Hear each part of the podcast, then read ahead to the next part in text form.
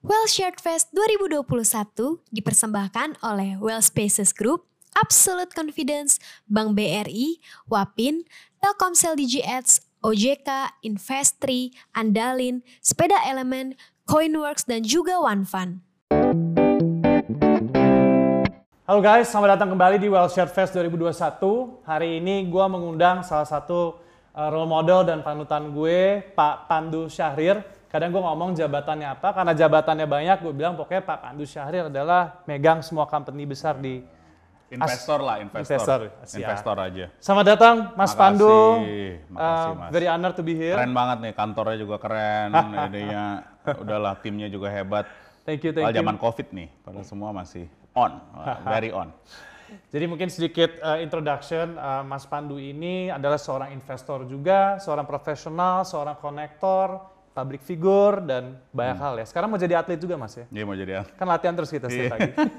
olahraga terus sama Mas ya pagi. Nah, jam, jam 7 jam 8 pagi tuh. Eh. Gym terus. Mas, by the way, kalau biar mungkin banyak orang yang belum, mungkin ada yang belum Hmm. tahu Mas Pandu nih. Nah, Mas Pandu itu sebenarnya tuh ada di balik perusahaan apa aja sih Mas? Biar orang aware Jadi nih. apa awalnya Mas saya tuh eh, investor dari tahun 2000 belajarnya di situ investment Hmm. banking. Dulu di tempat namanya Lehman Brothers. Hmm, Habis itu saya lama di New York Hmm. eh, dari 2005 sampai akhir 2010. Hmm. Habis itu saya balik karena keluarga minta saya balik bikin perusahaan namanya waktu itu belum ada nama terus kita disebut namanya Toba Bara karena perusahaannya batu bara Ya, ya, ya. sama bikin power plant kita hanya satu waktu itu saya bilang sebenarnya saya nggak apa namanya saya passionnya investing jadi saya bilang boleh nggak saya cepet-cepet bikin jadi perusahaan TBK jadi Mei 2012 kita listing. Jadi itu was one of the larger IPO 2012 jadi itu berhasil sukses. Habis itu saya bilang ke om saya sama ke ibu saya boleh nggak saya bikin sendiri? Apa gitu? Bilang nggak boleh. Kamu tetap sendiri tapi kalau mau bikin sendiri ya sendiri aja. Iya, iya, Nah, iya, aku mulai invest waktu itu karena nggak banyak barang saya banyak investasi perusahaan teknologi mas. Padahal itu bukan teknologi juga. Kayak dulu ada namanya Gojek. Kan Gojek dulu CSR waktu itu namanya Shopee dulu namanya Garena. Garena aja sebenarnya dulu reseller game. Jadi masih baru dan semuanya sebenarnya desktop. Jadi itu tahun 2014 15 Tokopedia baru mulai. Dulu yang paling gede namanya Kaskus, ya kan? Jadi Tokopedia masih masih sangat kecil. Habis itu ada Ferry, aku temu Ferry 2013-14 Traveloka, juga baru mulai. Wow. Dia waktu itu ah, baru katanya dia quit dari Harvard Business School mas. Habis itu sama partner-partner bertiga tuh bikin sesuatu, dia bilang ya ini Expedia lah katanya. Ya gua ngerti, oke. Mulai, jadi mulainya di situ, mulai investasi aja. Kebetulan pada saat itu nggak banyak yang berinvestasi ke sana. Dibilang ngapain invest-invest itu, apa sih nggak nggak make sense. Aku bilang, ya, suatu hari akan make sense, tapi aku rasa tuh lebih timing lah mas. Karena big big apa swingnya tuh 2016 ketiga si Masayoshi masuk ke Tokopedia. Ya, ya, ya. itu put Indonesia dalam map. Habis itu mulai mulai tuh di situ tuh. Terus IPO C 2017 Oktober. Nah pas IPO itu walaupun oke sebenarnya valuasinya lumayan rendah. Hmm. makanya waktu itu kita baru market cap for 4 billion. Pada situ lumayan besar udah. Apa-apa, 4 billion. Mas. lebih gede pada saat itu Grab Yang penting sekarang Mas, gue Sekarang jadi ya. ada opportunity kan Ya, kemarin masih beli ada murah. opportunity. Jadi ya itulah ceritanya. Baru mulainya kelihatan tuh teknologi dua akhir 2017, 18 dan growth-nya cepat sekali 18, 19 dan 2020 luar biasa Mhm. gara-gara Covid. Oke, so basically you're in the whole unicorn. Tadi mungkin lo juga belum nyebut, you're also di uh, Bukalapak, Bukalapak. buka, Bukalapak, terus uh, Grab juga ya? Kita kecil lah waktu itu Kecil. dikit-dikit ada lah dikit-dikit. Apa ya unicorn yang belum sebut nih tadi? Udah lupa ya? Lupa ya apa lagi ya? Ada Trax, Trax juga bagus tuh. Trax tapi di Singapura, itu ada SaaS, business B2B SaaS di Singapura. Jadi kita juga banyak invest di luar juga, e-commerce di Thailand. Kita juga sempat eh, apa namanya barusan si cepat kan kita announce si cepat juga. Alhamdulillah tuh sekarang yang mungkin yang paling besar di Indonesia untuk perusahaan logistik eh, e-commerce eh, yang dari ini karena mereka tuh grow dari berapa 300 400 ribu sekarang udah hampir satu setengah juta per hari delivery dari si cepat. Jadi luar biasa sih perkembangannya. Oke, that's good. Hmm. So you're involved in unicorns. Mas Pandu juga sekarang uh, sebagai ya, komisaris di uh, B, apa? um, Di bursa, IDX, bursa, bursa. itu baru tuh. And and and juga you're also involved in Shopee so much ya. Ya Nah, harus tuh- lah. Itu mau nggak mau nggak ada pilihan kalau itu. ya jadi gue ngeliat, I think there will be three segments that I want to talk to you about Boleh. ya. Of course satu, gue mau ngomongin banyak soal bursa nih mas. Kenapa? Karena gue ngeliat uh, a lot of retail investors are coming in. Hmm. I guess institution mungkin bisa jalan-jalan kekejar kali mas nanti. Mungkin nggak Iya, menurut lo? bisa. Udah. Bisa kan? Udah mulai. Udah mulai kejar kan? Nah, mulai. ini something yang menurut gua as investors terutama retail, we have to be very responsible kan. Iya. So when I say responsible, we don't want people to kemarin oh invest terus-terusan make money karena kebetulan kemarin Breeze, Antam semua lagi cuan, tapi di saat lagi susah mereka pada pusing. Nah gue juga ngerasa eh, ini bahaya buat orang-orang yang masih belum ngerti, masih awam, akhirnya mereka pas lagi ngangkut atau apa kayak aduh gue kapok nih. Akhirnya retail investor in the long run ya nggak sustain dan nggak bagus tuh mas. Betul. Nah, kalau menurut lo nih, in terms of uh, capital markets buat retail tuh, what kind of mindset sih sebenarnya yang orang-orang, you know, teman-teman kita di rumah nih harus punya gitu when they want to invest. So hopefully they will invest um, in the long run dan mungkin mereka bisa ajak teman-teman Iya, gitu. iya. What what what is the mindset yang Jadi harus mindset itu harus berjenjang, bertahap, dan sabar. Hmm. Jadi yang paling penting sebenarnya yang paling susah dilakukan tuh kesabaran. Mas. Hmm. Jadi saya bilang kayak beli saham. Kalau misalnya beri ya bagus gitu, tahan aja terus. Hmm. Contoh, si deh, si. Kalau misalnya saya jual kecepetan, ya mungkin saya nggak duduk hari ini sama Mas. Aryo. Ya bener dong, saya hanya tahan aja. Iya, ya iya, kapan, mau kapan dijual ya kapan gitu. Tapi kan itu kita dari berapa? Dari low 10 dolar, kita sekarang udah 220 dolar. 22 kali lipat. Iya, Ya makanya kan jadi tahan aja. Mas, Ih, boleh masuk mau linknya? Masuk ya? Masuk. jadi itu ingat itu penting. Jadi yang paling penting sebenarnya berjenjang, bertahap dan sabar aja. Hmm. Jadi over the long run menurut saya saham itu dibuktikan memang lebih bagus sebagai investment dibandingkan aset kelas lain. Hmm. Iya. Dulu zaman ayah ibu kita selalu bilang beli properti, beli tanah banyak gitu loh. Hmm. iya, iya, Habis itu iya. kenapa bisa dilihatin? Tapi kan nggak ada cash flow-nya kalau misalnya disewa. Anda tahu nggak kalau nyewa apartemen atau Hmm. nyewa rumah sekarang yieldnya paling 2%. Very small ya. Small, Ini 2%. 2%. Dan Anda minjem dari bank misalnya 8%, 9%. When you say 2%, you mean annually or? Annually, per Wow. tahun 2%, 3%. Mungkin sekarang ya kalau Anda bisa beli murah banget bisa dapat 4%. Tapi kalau Anda beli saham, beli saham yang bagus bisa dapat yield 5-6%, terus apresiasi. Ya. Dan Anda bisa jual anytime. Kalau rumah Anda jual takes time. Bayar lagi fee, bayar segala. Di bursa Anda bayar 0,1%. Capital gain-nya juga lebih kecil. Jadi menurutnya mana yang lebih menarik? Betul, betul, betul. Ya kan? Jadi dibandingkan yang lain, ada yang orang ngomong gold. Gold bagus, tapi juga Anda nggak bisa ngatur itu karena fundamental value-nya sangat tergantung kepada suatu currency namanya US dollar yang Anda juga nggak ngerti.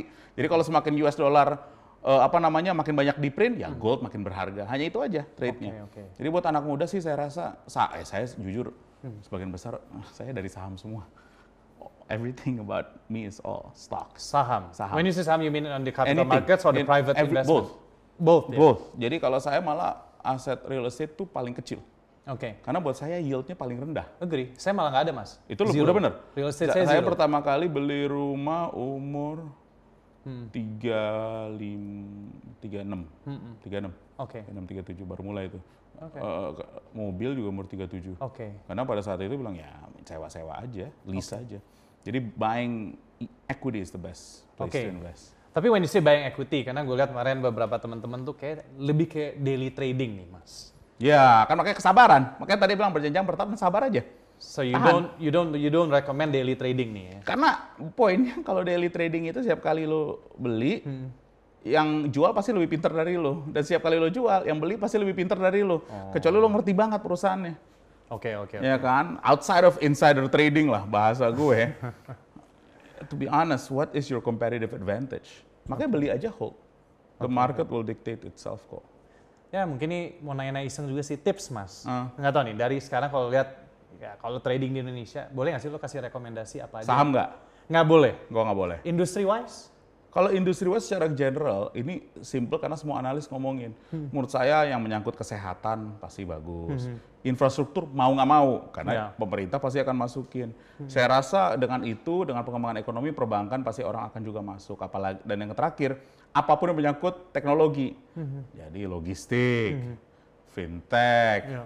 dan nanti tentu setelah e-commerce melandai di bursa ya pasti ke sana. Karena menurut saya sektor teknologi itu eh, under evaluated di Indonesia. Tapi semua pakai, tapi di sini belum ada di eh, capital market. Jadi pas masuk nanti saya rasa akan ada overweighting ke sana. Coming soon soon? Kunsun, seharusnya udah ada tiga nama yang udah register, Heeh. yang besar-besar pasti semua di sini pada pakai-pakai semua. Saya nggak bisa sebut namanya, tapi pasti tahu lah, ya kan, warna hijau, warna apalah, merah lah, apalah warna-warnanya itu kan, Ya, ya, jadi ya, semua ya. pada masuk. Kayak nyebut partai mas tapi insya Allah ya bagus lah saya rasa. Oke. Nah, tapi kalau in, in terms of you you mentioned about technology investments because kalau kita ngelihat memang uh, we see kemarin Nasdaq, kita uh, New York Stock Exchange and some other uh, indexes out there lah di di seluruh dunia, I think yang paling berasa kenaikan waktu pandemi kan memang kebetulan yang punya banyak tech. Iya betul. So when you say tadi bakal ada tiga yang keluar gitu, how would you see Di the- Indonesia ya, kalau the di impact luar for banyak. Indonesia ya? Is three sebenarnya- enough saya to gini, kickstart? Saya or- rasa paling nggak selama tiga itu benar-benar bagus presidennya Hmm. akan bagus buat semua. Jadi kayak anda lihat sekarang ini ada fenomena semua Hmm. bank dibeli karena ada cerita fintech. Naiknya kan luar biasa. Terus ada cerita perusahaan logistik yang ada e-commerce-nya Hmm. naiknya luar biasa. Ini kita belum yang the heart of the matter. Jadi kalau anda Hmm. lihat semua unicorn, unicorn atau dekakorn yang mau masuk, saya rasa interestnya bakal luar biasa. Tapi memang ini juga menggunakan apa YouTube ini kepada teman-teman yang memang pemegang keputusan di sana juga bagusnya memang dilakukan di Indonesia. Mereka sudah lakukan Ya. di Indonesia itu bagus. Kenapa? Karena perputaran uangnya pun akan nanti di Indonesia dan memperkuat Indonesia Oke, juga. so insya Allah udah pasti mereka di sini ya. Insya. Allah lah, saya nggak tahu. Di ada yang ya? pasti dalam hidup ini, tapi insya Allah. But but how how can we make you know buat gua dan teman-teman retail di rumah, how can we make this impactful ya? Karena tiga ini kan ibaratnya apa ya spearheadnya gitu. Iya. Jadi salah satunya memang masih yang kita lakukan juga di bursa yang namanya dari e-IPO filing itu kita perbesar juga porsi retail. Jadi di mana retail tuh bisa akan mendapatkan alokasi yang lebih besar dibandingkan zaman dulu. Jadi kalau dulu tuh paling dikasih 0,5 persen, satu persen, kita bilang harus lebih, paling nggak tiga persen deh kasih atau lima persen. Sisanya institusi. Jadi itu memberi kesempatan. Dan retail tuh gila loh. Itu dari sejak akhir Maret per hari itu bisa 10 ribu masuk. New account. Dan 80 persen ya anak-anak, ada anak-anak sih, adik-adik di bawah umur 28 tahun, ada yang 21, 23 tahun. Nah, tanggung jawab kita nih, tanggung jawab moral kita di bursa dan tanggung jawab kita, ini kan udah bagian dari bahasa kerennya financial inclusion. Nambah nih, nambahnya itu pun juga setiap tahun bisa 3 juta orang. Jadi satu persen, satu persen, satu persen dari total populasi mas. Oke. Jadi kan kita ngeliatnya total populasi. Kalau total populasi kita sekarang 4,2 dibagi 276, masih kecil, satu setengah persen. Bisa nggak kayak di Amerika sampai 30-40 persen? Amerika is half, have access to the stock market. Bisa nggak sampai sampai setengah? Nah, dari sisi kita, tanggung jawab kita adalah selain financial inclusion adalah edukasi. Makanya saya rajin nih lakukan ini nih. Malah banyak tuh sama influencer ya. Hah? Ketemu Harus. banyak. Tahu nggak kenapa? Karena semua dengerin influencer. Saya gabung-gabung, the top 10 influencer itu, ya mungkin ada redundancy ya, itu hampir setengah ASEAN, 300 juta. Jadi saya bilang, mau nggak mau saya harus dekat dengan mereka dan juga educate mereka. Mau nggak mau. Karena the power of social media sekarang jauh lebih besar dibandingkan dulu-dulu. Di Amerika aja semua social media, malah di Amerika lebih hebat. Bukan ini, bukan artis. Artisnya itu adalah investor. Malah mereka Iyalah, ya siapa Tesla nge-tweet naik, ngomongin ini sahamnya naik, itu hanya nge-tweet satu kata. Kita kan masih pakai kata-kata panjang satu menit videonya. Kalau Ya, ya, di ya, ya. di Amerika satu kata langsung di Reddit terus gitu kan orang beli sahamnya. Kita belum nyampe level itu, tapi saya rasa bisa. Karena orang Indonesia suka ngomong, kita Ya, ya, suka ya, diskusi gitu loh. Jadi Kemarin beberapa ustadz juga rajin. tuh. rajin. Tapi itu nggak bisa unavoidable. Jadi menurut saya ya kita harus bisa educate Iya. itu tugas kita gimana sih beli saham gimana investasi long term jadi saya rajin banget lakukan ini mas karena memang passion saya juga education Oke. jadi makanya saya senang lakukan ini But how do you plan to educate people? Apakah melalui influencer tersebut atau dari IDX sendiri punya program ini mas ya? Yang jadi kalau programnya saya bilang ini programnya kayak air aja. Kita lihat nih perkembangannya kayak gimana. Jadi saya ngomong oke kita pakai influencer kita bukan apa kita coba make sure the influencer believe dulu apa visi kita misi kita. Kalau mereka percaya mereka pasti juga akan all out bantu kita. So it's not just about money. It's also about the vision mission dari bursa ini apa. Sharing dengan mereka dan kita udah bagus nih beberapa yang besar besar setuju banget. Ayo. Jadi kita sekarang mau launching ke sana. Dari sisi kita kita juga pakai. Karena ada juga micro influencer mas yang 100 ribu 200 ribu tapi orang intens banget ngikut mereka. Kita pakai juga. Jadi menurut saya nih kita harus pakai se- secara lini dan saya rasa udah beda. Kita nggak bisa oh tahun ini kita maunya ABC target enggak. Yang penting kita komunikasi kayak air aja. You never know right? Karena perubahan dunia tuh terlalu cepat menurut saya. Agree. you can only every three months kita harus bilang eh udah berubah lagi nih. Kita harus ngeliatnya ke sini. Jadi harus kalau saya ngomong ke direksi-direksi teman-teman direksi bilang this is the new normal gara-gara covid kita harus mikirnya harus udah beda paradigmanya beda jadi apa pun yang sekarang lagi dikomunikasikan soal saham Iya. attack langsung gitu loh. Kalau enggak dan saya bilang nggak ada waktunya 48 jam bener ya kita nggak ada waktu 24 jam harus address. Oke, oke. gitu loh. Mau YouTube kayak Zoom kayak Hmm. apa kayak langsung Oke. gercap gitu loh. But in terms of capital market nih Mas ya, Hmm. how can we make Indonesia stronger in economy through capital markets? Karena sekarang kan tadi retail investor sekarang ada berapa Mas total? Kita total 4,2 juta, masih kecil. 4,2 juta. So Tapi to- bagus, dari duit 1,3 juta, jadi kan udah 4,2. So to make it, uh, let's kita bisa jadi superpower in capital markets, how, how many do we actually need sih sebenarnya? Oh, kalau kita sih maunya 75 juta orang sih. 75 Ini targetnya million. gede aja dah. Nih saya digomongin gini, nanti pasti di rapat bursa diomongin nih, 75 juta gila. Orang apa sih, tapi nggak apa-apa. Itu jadi If you- KPI mereka berarti? If you don't think big, you know, what's the purpose gitu loh. 75 million now for, so we need at least two, 30, 20, two- 15, two 20 times kali. lah ya. 15-20 kali. Saya nggak Four- sempat, oh 20 times, sorry, Iya. 20 times. saya nggak tahu berapa tahun.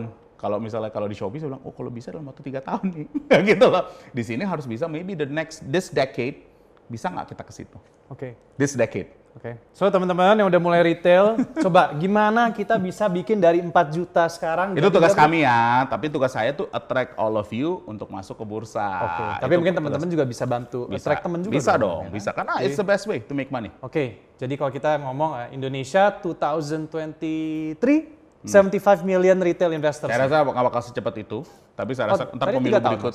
Nggak? Nggak, kalau itu. Shopee. Oh, oke. kalau bursa karena memang ini structural. Iya, Jujur mindsetnya ini kita lagi berubah untuk bisa lebih cepat lagi, Hmm. gercapnya lebih cepat lagi. Jadi saya pasang target agak tinggi-tinggi gitu sengaja, Hmm. bikin shock-shock dikit. Dengan itu nanti ya bisa lebih maju gitu. Orang Indonesia harus dibikin shock, Mas. Iya, kalau- Jadi setengahnya juga masih oke lah. Udah oke dong, 30 juta, wow gitu kan. gitu lah. Oke, ini kan lo uh, udah ngerti banget nih how how uh, company get listed and everything. And then the next thing I want to talk about is since you udah banyak banget di perusahaan unicorn, and I think you came in very early ya dari bawah. Iya, Kak. ya 2013, Ya kan? 14, 15. Mm, Oke. So I think uh, I think dari semua orang yang pernah ketemu harusnya lo the best person to answer this question dong nih. Jadi lo ngelihat semua entrepreneur ini dari yang kecil sekarang udah unicorn bahkan uh, several companies mungkin lo lihat akhirnya listed di bursa. Lo punya lihat dong mentalitas mereka tuh seperti apa, mindset, professionalism. Benang merah dari semua ini apa sih mas yang menyebabkan mereka semua sebagai entrepreneur bisa mencapai uh, tingkat tersebut gitu, Iya. either uh, listed or uh, Jadi, unicorn. paling besarnya mereka mencari suatu masalah yang mereka anggap pengen mereka solve secara very long term. Jadi mereka tuh nggak mikir short term. Mereka nggak mikir, oh gue perlu fundraise buat gini. Nggak, mereka pikir ini market yang perlu saya solve, masalahnya begini, saya harus bisa solve masalah itu. Contoh, kayak misalnya contohnya Ferry deh, saya gampang Ferry. Waktu mulai dia bilang, iya di sini sih sangat fragmented. Gimana ya orang untuk bisa belajar traveling dari tempat satu tempat ke tempat lain dengan cara yang mudah dan dapat informasi yang sangat mudah. Ini nggak bisa loh, Ndu, gitu-gitu. Eh, eh, dia manggilnya Bang atau apa, iya. Oke, fair. Jadi lo mau bikin apa? Ya Expedia, tapi Expedia tuh di Indonesia juga nggak bakal jalan karena dia nggak ngerti lokal konteksnya gimana. Jadi dia sendiri bikin, ya dia sendiri yang kerja waktu itu. Dia bilang, wah boleh juga nih. Ya deh ikutan deh, apa aja deh lo kerja. Tapi dia mikirnya very long term. Buat dia untuk fundraise itu hanya suatu ke- ha- satu keharusan untuk bisa solve yang dia inginkan. Jadi dia Ya, bilang kita malah harus bisa membuat OTA yang jauh lebih bagus dengan cara kita. Dan kan bedanya kalau di Amerika mungkin banyak kan orang udah sanggup bayar-bayar. Di sini belum tentu. Ya gimana kita bantu mereka untuk bisa traveling dari satu tempat ke tempat lain. Iya. Informasi di sini very sporadic, beda dengan di Amerika. Coba dong kita centralize informasi ini untuk memudahkan orang pergi dari satu tempat ke tempat lain dan tinggal. Dan sekarang gara-gara COVID, dia pasti bilangnya mikirnya, eh gimana nih untuk bisa di suatu tempat untuk long term stay. Orangnya gimana. Jadi ini about information gathering Iya, yang iya, bisa iya. mudah untuk customer. Ya kan? Jadi makanya saya senang banget dia tuh mikirnya very long termish. Iya. Dan itu mungkin satu yang menurut saya uh, satu benang merah. Dan kedua memang karena lu ada punya vision ke sana dan lu percaya sama vision, lu pasti gigih. Mhm. Dah, itu aja. Oke. Jadi makanya waktu kemarin aku itu waktu dia buka kantor tuh di mana di apa? Keren eh, tuh kantornya. Kantornya keren banget kan di BSD gue bilang, gila lo Fer, lu ingat nggak dulu kita meeting ruang, wah kecil banget, seper enamnya ini nih, hanya ruang tempat duduk itu. Kita duduk sini terus cerita-cerita, gue bilang, sekarang lo gini nih, gue bilang, itu iya ya, gede ya, gue bilang, baru mulai bos. Gitu. Betul, betul, Ya, jadi dia semangat lah, jadi menurut aku emang harus ada suatu visi yang jelas, itu Iya. penting banget. Dan kalau visinya itu jelas orang bisa buy-in, terus gigih aja udah. Lu bayangin, Ferry waktu itu saya cerita bulan Maret tahun lalu, revenue nol. Dari gede ke nol. Iya, Tapi iya. dia gigih. Dijalanin aja. Sekarang udah Oh, mulai mean udah waktu balik pandemi lah ya? Waktu Iya pandemi, dia bilang gua harus berubah, kita harus berubah, tapi visi kita sama, misi kita sama. Mhm. So he just change a little bit, tweak here and there, sekarang udah balik lagi. Oke, oke. Jadi ya itulah kegigihan itu seorang ini satu contoh aja lah saya ngomong. Ya, ya, ya. Daripada aku ngomongin Shopee atau yang lain, aku ngomongin temen aja kan. Jadi gua bukan marketing apa Shopee Perusahaan, kan, ya, iya, ya, ya, perusahaan gitu loh. Tapi ngomongin Shopee juga nggak apa-apa mas. Nah, nggak apa-apa. Menarik juga. It's okay. it's okay. It's It's okay, it's okay. Tapi speaking of tadi lo cerita Traveloka ini interesting karena waktu itu uh, I remember I think it was 2013 2014 uh, some of my friends juga one of the early investor di Traveloka nih. Hmm. Dan waktu itu tuh beberapa mungkin skeptical karena mikir kan udah ada OTA Betul. globally udah established, udah Betul. apa, how can you compete kan? Tapi waktu itu satu yang gua nggak kepikiran sama sekali adalah nggak yuk, dibilang gini nggak yuk, satu mereka nggak bisa transfer. And it made a big impact Iya. at that time for Huge. Indonesia kan. Betul. As simple as that. As simple as that. Gila. Jadi dia solve Amazing. the local issue. Ya, ya, itu ya. aja. Which is bank transfer aja at that time. Gitu kan. Macam-macam. Simple. Iya, Iya, iya, iya, semuanya iya. dalam local issue. Oke oke. But you know, other than vision and everything, what about I don't know man. Kan gue lihat uh, some of the unicorns or some of the greater companies, they came from let's say I don't know better education background. Ada yang di Ivy League, ada yang they went to good schools and everything. But but other than that, ya, do you see something else sih other than Itu education? penting. Tapi kalau anda lihat yang the original ones, betul Traveloka went to good schools ya. Ya ya ya ya. Gojek very good schools. Very Ya kan? Tokopedia nggak begitu. Binusian, Mas. Binusian ya kan. Tapi bagus good school tapi not that Ivy League lah. Ya, ya, ya. Habis itu si Bukalapak anak-anak ITB. ITB. Ya Still- kan? So good school. Jadi menurut saya emang kalau itu bukan dari sisi edukasi, itu hanya track record orang aja. Dia tuh bagaimana waktu bukan aja bersekolah, bersekolah kan contoh seorang kerja lah. Hmm. Track recordnya bagaimana, dia ada sedikit bebet bobot dari Hmm. sisi sisi itu. Tapi bukan bibit ya, saya nggak bilang bibit, bebet bobot. Karena banyak sekarang yang menarik gara-gara teknologi ini, banyak anak-anak muda first time wealth. Hmm. Jadi bukan dari keluarga apa, keluarga siapa. Ini OKB actually- lah ya, gitu. Iya OKB, tapi OKB bener OKB dari Ya, ya, ya. dan mereka juga agak shock-shock dikit nih. Hmm. "Ih, Aku kaya ya, gitu. Iya, iya lo kaya bos. Oh, terus gimana dong? gitu. Tapi lifestyle-nya doesn't change. Oke. Jadi Still the mereka masih sama aja. Jadi Enak mereka ya mungkin sama sekarang sih. udah bisa naik mobil. Oh, Alphard ya, enak juga ya Alphard ya. Gitu. Jadi baru mulainya sekarang. Hmm. Ya, but, And, and for them this is also a big life change. Tapi mereka, saya rasa mereka tuh masih nggak lupa dengan roots-nya. Jadi beda lah, ini beda. Kenapa? Karena mereka create something yang very useful. Hmm. Beda. Ya. Jadi menurut saya beda dengan zaman-zaman dulu di mana ada dapat uang gara-gara hal-hal beda, beda yang berbeda, ya beda cara spendingnya juga. Gitu aja cara ngelihatnya.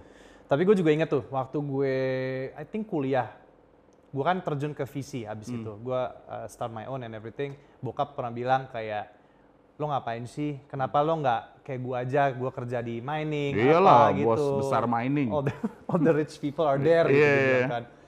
But do you believe that back then memang uh, mining boom created a lot of OKB lah at that time gitu. But now do you think that this industry ya uh, tech or UKM SME ini adalah the new OKB sebenarnya? Iya. Do you feel that? Uh, I- we don't feel it. It's- Tahu kenapa we don't feel it?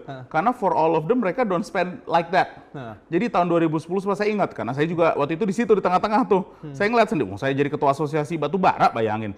Saya ngeliatin semua, wah ada yang beli, sampai yang paling tinggi pada beli pesawat lah, kayak beli mobil, beli mobil. Ah, Ini apaan sih? Kayak nggak takut pajak ya aku pikir kan.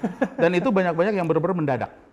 Karena very cash business. In Dan very short year dan ya, very ada. short year dan jangan lupa bisnisnya tuh is seems so simple. Saya dapat alokasi saya langsung jual. Hmm. Tapi tidak ada nilai tambah banyak sebenarnya. Anda tidak membangun sesuatu. Makanya pada saat itu saya wanti-wanti 2011 tuh saya ngomong sama keluarga, this is dangerous. Hmm. Ini behaviornya buat saya sih udah agak aneh gitu. Ngapain? Udah kita IPO, kita low profile aja. Hmm. Apa kita invest saya bangun pembangkit tenaga listrik. Jadi kita saya hanya fundraise sekali IPO habis itu udah. Hmm. Ya kan? Jadi waktu itu nah kalau soal teknologi karena emang beda, Mas. Hmm. Mindsetnya pun juga beda karena mereka build the wealth over time. Ya. All of them. And actually all of them probably make today Hmm. almost similar dengan orang-orang yang bermain di batu bara zaman dulu tuh. Iya. Ya, saya ngomong batu bara lah, itu paling jelas ya kan. Jadi for them tuh they are creating generational wealth juga.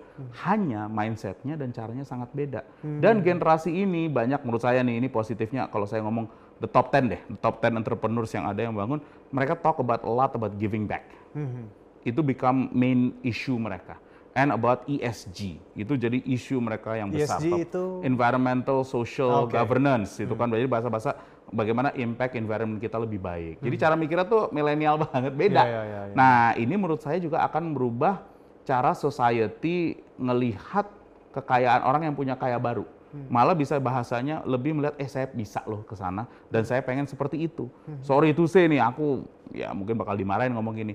Zaman kita 2010 11 waktu di zaman batu bara, to be honest, there's some good actors, there's also some yang menurut saya bukan sebagai contoh yang baik.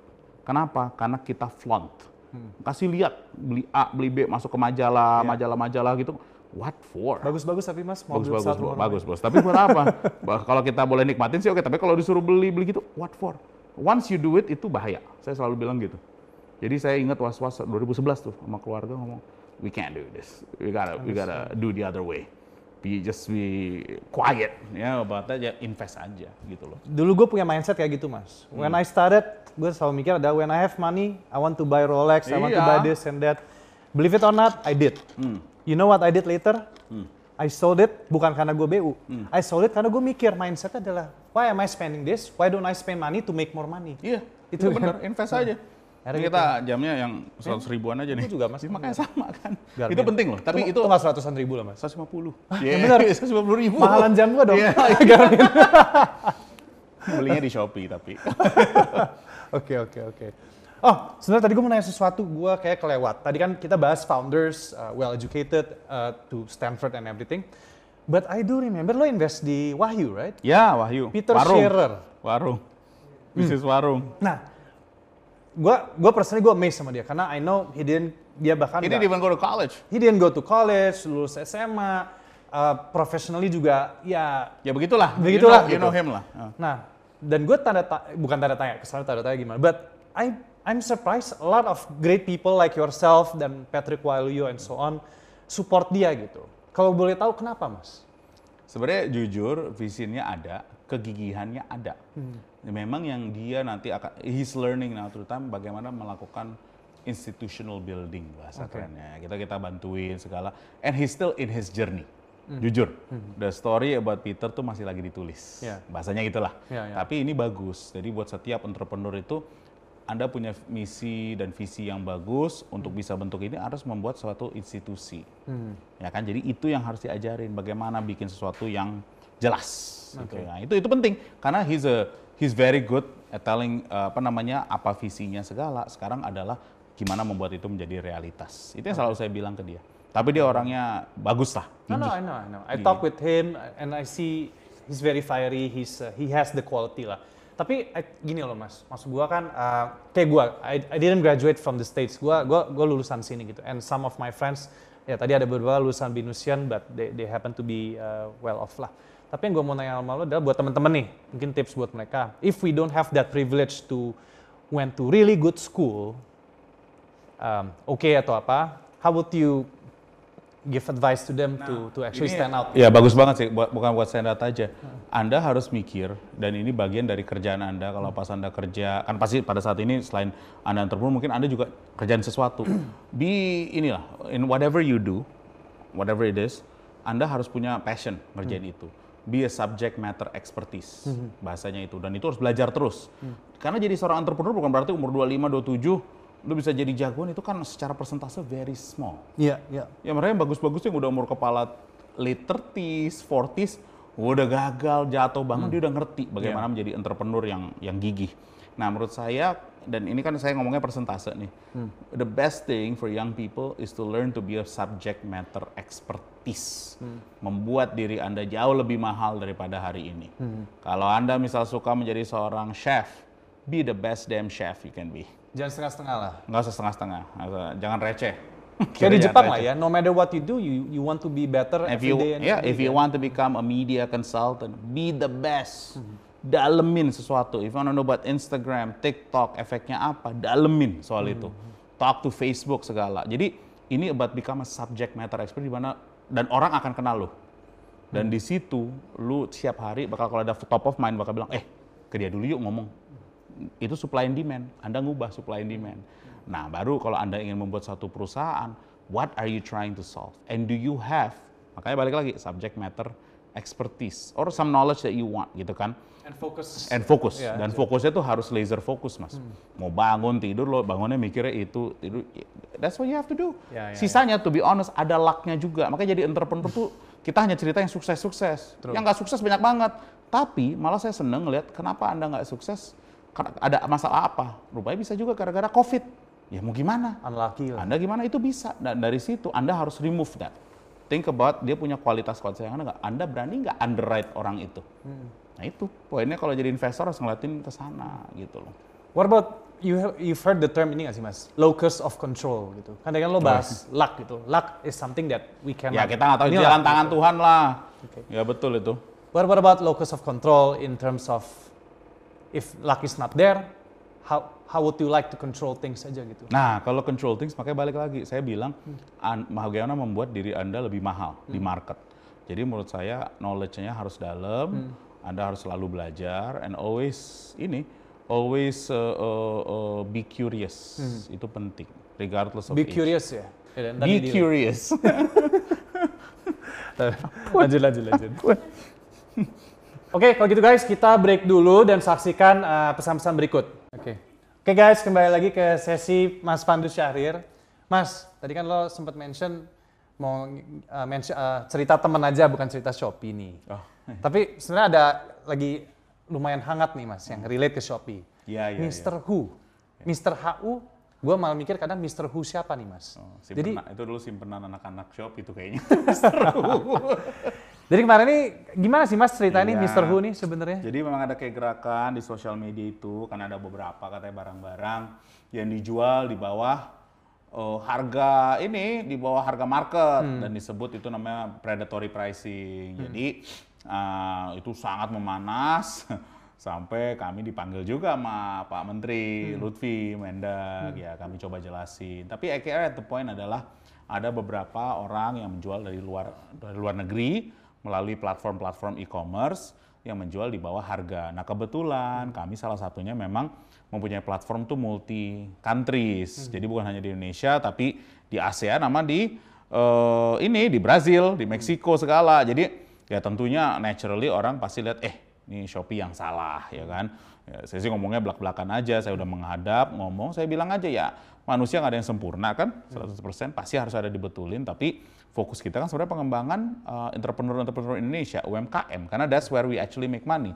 Saya juga bilang kalau mau predatory pricing harga jual barang 15.000 ribu, saya hanya bisa bikin 2-3% dari itu, ya saya juga nggak untung. Karena saya juga hanya suatu platform. Jadi an- misalnya ada rencana ingin buat peraturan itu segala terserah lah. Itu menurut saya bagus-bagus saja asal kita bisa mengembangkan industri kita. Malah saya sebenarnya ngomong sama Pak Mendak dan juga ke- kemudian beberapa menteri lain di pemerintahan. Saya sebenarnya saya lagi fokus kepada ekspor Shopee. Jadi untuk membantu perusahaan-perusahaan nasional termasuk UMKM untuk bisa jual ke luar negeri, Mas. Tahun lalu kita udah naik enam kali lipat, tapi dari base yang kecil ya. Sekarang tugas kita gimana ngembangin lima kali lipat lagi. Oke, oke. This next one or two years. Jadi ini fokus kami kepada UMKM yang ada dan komitmen kami. Iya, iya. Jadi kayak contoh Bangga Buat Indonesia kan kita salah satu yang maju di depan, Hmm. ya kan? Kita spearheaded that effort, ajak semua nih anak-anak teknologi untuk pada ikut. Ya. Dan itu kita bisa bulan pertama satu juta UMKM baru dari offline pindah ke online. Selama tahun 2020 hampir 8 juta UMKM yang masuk, Oke. ya kan? Jadi itu positif. Soal hal ini ya menurut saya tidak ada yang sempurna, ya kita perbaiki. Udah simple.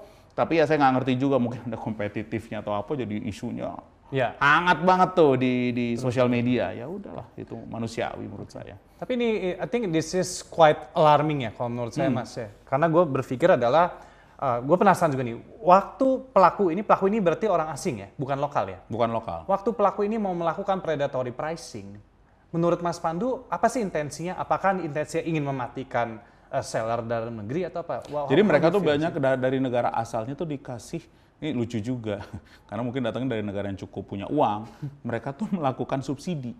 Jadi untuk ngebantu mereka biar bisa jual dan dapat gaji, ya udah jual aja pada harga murah, kamu bisa jual. Yang penting bisa jual dan flow. Itu sebenarnya pelajaran juga sih sebenarnya buat kita. Gila juga ya mereka hebat banget. Buat mereka they don't think about Ini kayak killing dumping, anyone. Dumping Enggak. Jepang Ah, tapi lebih ekstrim kayaknya. mereka bilang ya saya saya bisa jual aja nih barang saya ke mana aja. Lebih karena dia perlu economies of scale mas. Ya, ya, ya, dia ya. mungkin bisa bikin Pabrik-pabriknya ya. batik kalau di sini mungkin seribu mereka 10 juta. Ya. Iya kan economy scale ya marginal costnya makin rendah. Ya. Jual aja gitu loh. Hmm. Jadi cara mikirnya beda dari lensa mereka. Dari lensa kita kita bisa puter-puter mau membunuh UMKM atau Hmm. tapi sebenarnya kita ya sekarang fokus adalah bagaimana make sure bahwa predatory pricing itu tidak ada dan Hmm. itu kita menjaga UMKM tempat dan kalau bisa memang kita bisa import misalnya raw materialnya tapi pengelolaannya dan nilai tambahnya harus di Indonesia. Tetap di Indonesia. Itu aja di yang kita laksanakan menurut saya sih kita pasti support. Oke.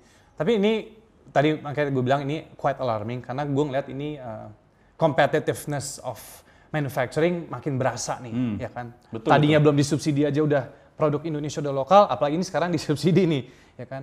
Jadi kalau menurut Mas Pandu nih, sebagai uh, mungkin pencipta produk-produk dalam negeri atau bahkan reseller di Indonesia, sebaiknya gimana sih mereka biar kita bisa tetap kompetitif dan kita nggak kalah-kalah amat lah jangan kalau ini jangan hadapan langsung. Ya. Jadi jangan bikin produk yang sama. Kalau bikin produk yang sama, pasti dari negara lain itu bisa lebih kompetitif, mas. Mau nggak mau karena punya economies of scale.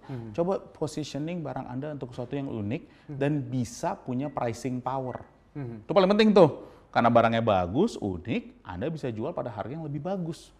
Kalau buat semacam e-commerce platform buat saya, semakin harganya tinggi, makin bagus buat saya. Karena saya bisa dapat margin lebih tinggi juga.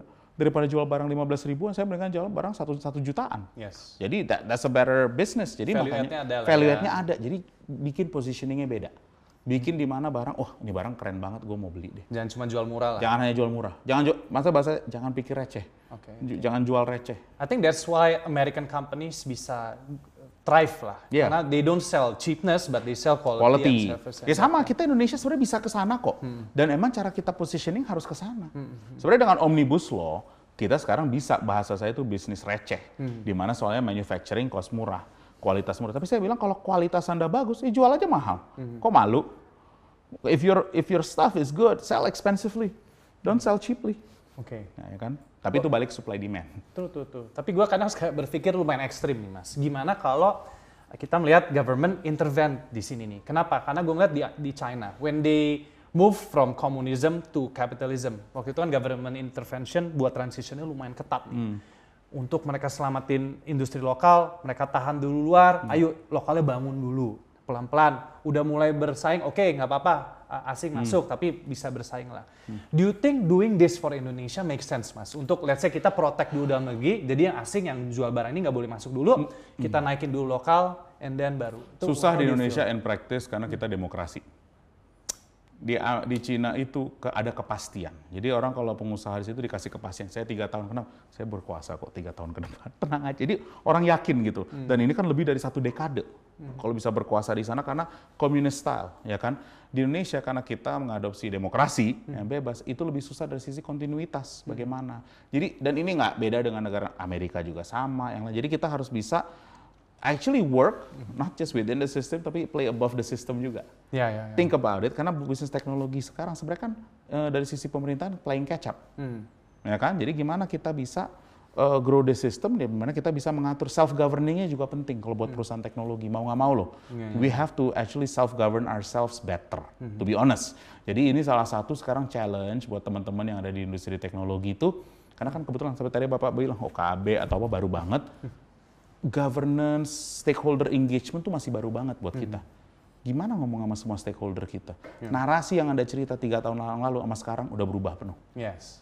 Don't use the same narrative three years ago. Narasinya udah berubah. ya, ya. Ngomongnya pun udah beda. Oke. Jadi itu penting tuh. Ya, ya. Self governance menurut saya sama penting atau lebih penting daripada memikirkan apa aja yang pemerintah akan lakukan. Ya, ya, ya. Apalagi di negara kita.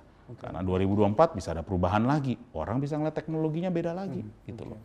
But with this intervention tadi mungkin kalau blokade ya it's it's very communism style lah ya. Tapi mungkin are you aware with the alcohol industry lah? Tahu. aware lah ya. So yang gue lihat nih mas, alcohol industry itu year by year they always naikin pajak bea nih, menyusahkan asing untuk masuk. Dan gue melihat sekarang the rise of um, Local. local product nih. Uh, kemarin gue lihat orang tua ngeluarin whiskinya, vodkanya apa dan banyak brand-brand lain. So is this part is this part of the government intervention Bukan. untuk Nah, enggak. kalau saya baca salah. Itu di mana suatu industri yang sudah puluhan tahun sudah ngerti caranya. Udah gitu aja. Kenapa? Karena orang tua grup siapalah nama saya nggak perlu sebut nama. Mereka tuh lebih lama lagi di Republik ini berkuasa di industri itu. Jadi ya Anda ada perubahan siapa pun menterinya, siapa pun dirjennya, mereka tahu nih eh bentuknya kayak gini. Kenapa? Isunya satu aja mas, kontinuitas. Selama kementerian-kementerian mau, ini saya, saya bukan ngomong politik ya, kalau menteri masih dipilih dari politik atau apa, bukan dari jenjang bawah, itu kontinuitas bisa berubah. Jujur aja kalau kita ngomong, berapa persen dari kementerian-kementerian yang ada, dirjen menjadi menteri. Itu institutional building. Kalau misalnya berubah di atas ya sebenarnya kan sebenarnya kekuatan sebenarnya bukan di kementerian ya, sebenarnya di bawah-bawahnya ini dirjen-dirjennya. Tapi kalau misalnya dirjen sama menterinya align, lebih cepat Oke. suatu kementerian itu. Ya, ini balik lagi ke policy. Ya, ya. Ngomongin soal tadi tuh. Ya ini balik juga ke e-commerce nantinya. Itu challenge buat kita. Ya, ya, ya. Macam-macam tuh. Aku bisa bisa di-cut, bisa apa. Tapi ini actually an important point dari sisi institutional building government juga. Ya, ya, ya. kan. Jadi kalau saya yang bisnis saya sekarang salah satunya stakeholder engagement, saya harus sangat ngerti alignment baik antara seorang Pak atau Ibu Menteri dengan dirjen-dirjennya. Oke. But do you think with all this uh, bea tadi untuk alkohol will happen to other industry juga? Yang udah lama yes, Udah lama. udah lama mainnya. Tapi kalau kayak you know uh, jual Kalau misalnya teman-teman reseller gitu, Enggak, beda. Kalau reseller nggak ada value, nggak ada nilai tambah menurut Hmm. saya. Ya kan mereka hanya sebagai semacam local JV partner, Hmm. tapi yang small. Itulah reseller. Karena what do you do? You get the stuff, you resell it again, take a little bit of profit, 1%, 3%, 5%. Udah. Personally gue suka sedih sih mas sama reseller. Kenapa? Karena I met some resellers, they've been doing it for years. They know that the market is there. Tapi gue cuma sedih adalah kenapa mindset lo nggak entrepreneur dikit. Entrepreneur bukan berarti eh, ya lo jualan oke lah. But you know the market is there, why don't you try to figure out and produce your own thing and use that opportunity? Atau dengan Ah, barang ya. yang ada. Iya betul. Ya kan? Karena itu yang dilakukan beberapa negara-negara. Hmm. I mean, if you look at China was in a way was a reseller, then they said, you know what, why don't I make it on my own aja? Hmm. Iya, iya, iya. Bener. And mereka sekarang bikin barangnya jauh lebih bagus daripada original. I agree. Ya kan kalau Anda ngomong HP, handphone, mulai dari mana? Hmm. Dulu ada namanya Nokia. Nokia ingat nggak Nokia? Nokia Ingat tuh ingat, ingat. sekarang hanya melakukan um, IT system, backbone infrastructure system untuk handphone. The biggest one semuanya di Cina, and actually the best one secara ya, teknologi. ya, ya, ya. Hebat loh. Okay. So I guess for a lot of Indonesian entrepreneurs, when you see a lot of reseller activities going on, maybe that's the opportunity to Kesempatan. produce the local produce. And, Kesempatan. iya kan? Iya. Iya, iya. So ini something yang gue juga belajar dari Amazon ya. They have uh, all the marketplace, mereka jual barang dari China, ada barang charger ini, charger itu laku, they have the data, they know the market. Eventually they make the white labeling ya artinya kan ya similar concept lah, they know the market ya do it themselves aja instead of just importing from China. Do you see this is gonna happen in Indonesia soon nggak sih dari lo lihat behavior orang-orang gitu? Mungkin lo tahu data atau apa? Ya di kalau menurut saya sih sekarang orang-orang Indonesia yang muda-muda karena melihat suksesnya kakak-kakak mereka membangun suatu bisnis, saya rasa mereka udah mulai mikirin bagaimana membuat nilai tambah, nilai tambah ya, nilai penting. tambah ya. dari suatu produk yang either mereka resell atau mereka consolidate untuk bisa jual ke market. Hmm. Dan kan sekarang mereka jualnya bukan aja offline, online. Jadi mereka tak sangat lihat transparansi harga dan persaingan. Jadi bilang gimana aku bisa dapat margin yang lebih baik. Hmm. Tapi ya mungkin nggak nggak semua ya, mungkin dari 100 mungkin dua atau tiga yang bisa melihat itu ya dua tiga itu yang bakal sukses. Ya, ya, Mau nggak mau itu hukum alam lah menurut Ya, saya. ya, ya, ya. I think this is relate to tadi cintai produk dalam negeri. Tapi um, ini gue agak belak-belakan aja. This is how I feel when I say, when see people say cintai da- produk dalam negeri. Yang gue rasakan adalah, am I being forced to love produk dalam negeri because uh, I'm forced to, love to? Because to be honest, ki- kita kan punya budget mas ya, kapitalis lah masing-masing. Ini ini kita bilang, just want to know your thoughts. Kalau gue kan sekarang sebagai uh, consumer, uh, kita kan yang uh, make sense lah. We always pick something yang let's say cheaper or budget yang sesuai kita. Hence kita nggak bisa pilih yang produk dalam negeri ini karena lebih mahal dari China, mas. How how how can we? Udah lah kalau misalnya barang-barang yang sehari-hari itu mau nggak mau pemerintah punya view ya monggo. Tapi saya tuh malah pengen challenge Hmm. teman-teman coba lihat orang China deh. Anda disuruh milih handphone orang Cina bilang ya saya mau mungkin maunya iPhone. Hmm. Tapi kalau disuruh milih iPhone Huawei mereka masih mungkin masih mikir-mikir. Hmm. Karena Huawei is at least menurut saya one year more advanced daripada iPhone kalau barang More produk. advanced. More actually. advanced secara produk. Ya sih, Apple iPhone kan nahan-nahan kan, Ya, nahan-nahan gitu kan. Itu jujur lah. Jadi kita harus bisa berkompet juga. Kalau Anda betul-betul biasa cintai dalam negeri, pengusaha dalam negerinya juga harus bisa kita bisa lebih keren lagi daripada produk luar dalam membuat satu barang. Mau itu baju, mau itu ini, sepatu, ya kan? Kenapa sepatu kita masih pakai misalnya produk luar, Under Armour, kayak Nike, where's the local one? Dan lokal harus keren juga apa? Ya lo bayar dong Stephen Curry jadi jadi itu loh. Iya, iya, iya. gitu loh. Lo kalau bisa ajak The Rock gitu loh. Ya kan kalau ngomong Under Armour, kenapa nggak bisa begitu? Cintai produk dalam mereka, actually cintai brand. The brand, The not the brand. price. ya. Not just the price, cintai brand. Jadi lo bangga dan keren. You have to know your customer.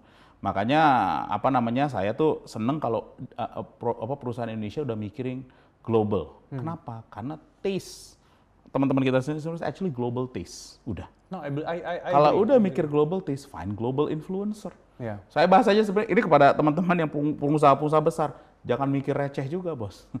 Kalau mau ya udah lo tanya dong Stephen Curry bisa nggak pakai sepatu gua? True, true, true.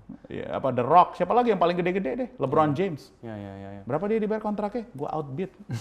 kan keren tuh. Iya, iya, gitu dong. Nah di situ you think different paradigm. Hmm, Menurut saya sih.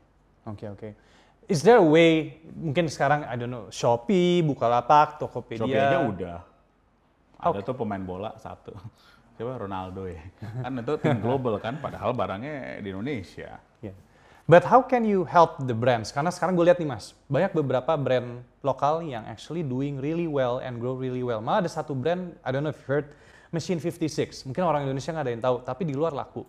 Dan ini juga ada barang-barang lokal, roughneck, apa yang udah omsetnya, uh, I think ratusan miliar setahun. keren lah. dong. Keren. And and how how can you support them to to go beyond that gitu? Kalau menurut kita kan dari sisi kita, kita platformnya ada. Kita prioritaskan di sisi platform. Paling simple. Udah dilakukan ya? Udah kita lakukan. Bisa lebih dilakukan lagi tuh? Bisa.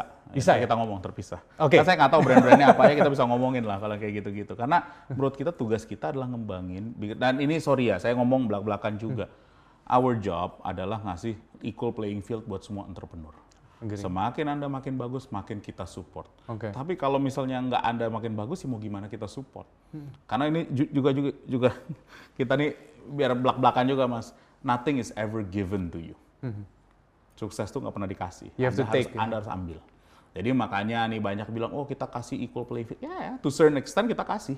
Tapi Tapi, jangan end, ya. semakin Anda sukses, ya Anda harus ambil. Jangan ditonton, ya itu ada di situ tuh, ya udah deh, terus curhat. Kenapa? Karena banyak kan orang di sini sukanya curhat, nyalain orang lain, nggak pernah ngeliat diri sendiri. Iya, ya kan? Jadi itu juga salah satu yang perlu mindset yang perlu kita latih kepada adik-adik kita. Kita selalu halu. Saya bahasa bahasa suka halu. Orang-orang tuh suka halu sendiri. Jangan juga halu. Jadi saya bilang jangan mikir receh, jangan halu.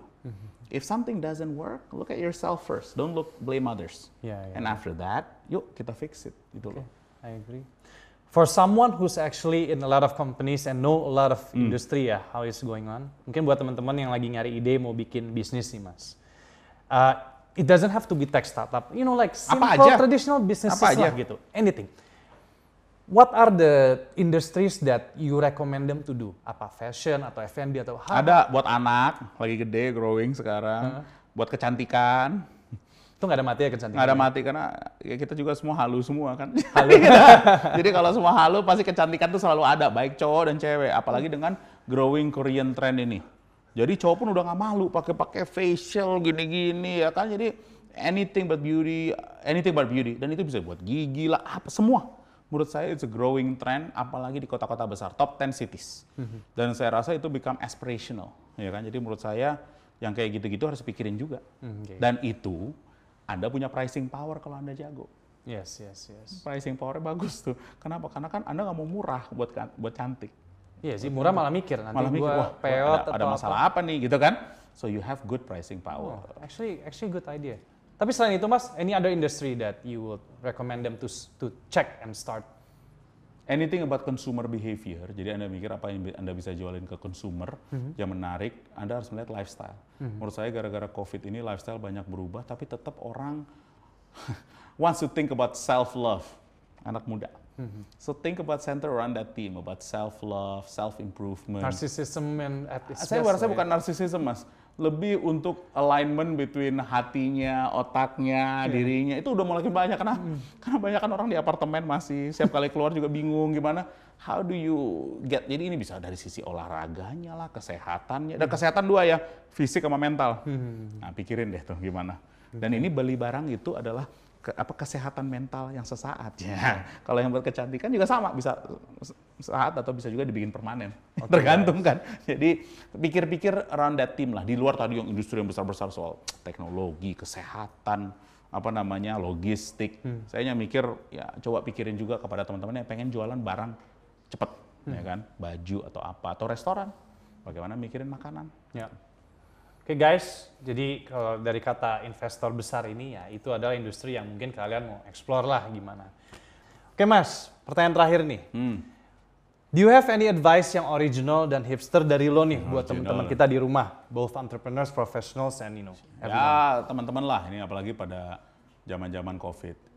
Satu Anda tuh menurut saya harus realistis juga dalam melihat segala sesuatu. Actually this type of podcast YouTube ini bagus untuk memberi Anda perspektif, ya kan. Kedua tuh jangan halu. Memikirkan segala sesuatu tuh seperti apa yang Anda ingin pikirin. Stuck to rea- reality, tapi juga tahu ke depannya bagaimana. Kayak baca peta. Just know. Dan yang ketiga, em, ini penting banget menurut saya, apalagi pada yang muda-muda. Anda harus ada punya alignment, baik dari sisi kesehatan fisik, kesehatannya mental, dan ini kita kadang-kadang suka malu, ini penting.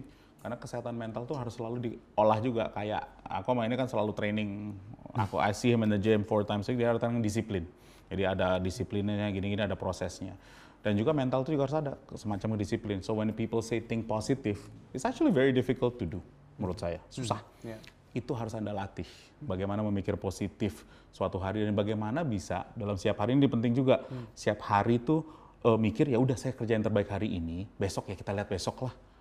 Jadi tidurnya bisa nyenyak. Saya yakin nih setengah yang nonton ini tidurnya nggak nyenyak karena banyak mikirnya macam-macam. The best thing to do is how do you train yourself to sleep well. Belajar. Lo tidur berapa jam mas? Kalau gue tidurnya nyenyak 6 jam itu gue bisa tidur, gue tahu deep sleep gue dua setengah jam. Iya. Dan itu penting mikirin bagaimana banyak deep sleep. Jadi itu mungkin beberapa hal aja menurut saya practicable dan bisa langsung. Saya nggak mau yang terlalu muluk-muluk. Be realistic in your life. Jangan halu. Think, train to be positive. Dan itu penting. Itu perlu training, ya kan? And also sleep well. Sleep well aja itu training. Karena itu nanti kait mengkait untuk besok hari. Jadi udah empat itu aja, emang nggak nggak ada hipsternya, tapi buat saya practicable buat teman-teman yang dengerin di sini. Terima kasih, Mas. Thank you Mas Pandu udah sharing hari ini. Oke guys, jadi ingat tadi kata Mas Pandu, always want to be better every day ya Mas ya, jangan jangan pusing-pusing amat. Yang penting tidur nyenyak tuh penting, Itu penting. sekali. Penting sekali. Itu berkah. Mau sukses, kaya raya, ya dengerin Ya, itu relatif semua lah. relatif. Oke Mas Pandu, Makasih. thank you so much for Saya your makasih. time. Thank you semua juga teman-teman di rumah. sini. Semoga uh, apa yang di-sharing sama Mas Pandu bisa uh, banyak bikin kalian jadi lebih baik lah gitu. ya. Siap. Oke kalau gitu kita pamit dulu Mas ya. Makasih. Mari sampai jumpa lagi guys di Well Share Fest berikutnya. Bye-bye. Bye.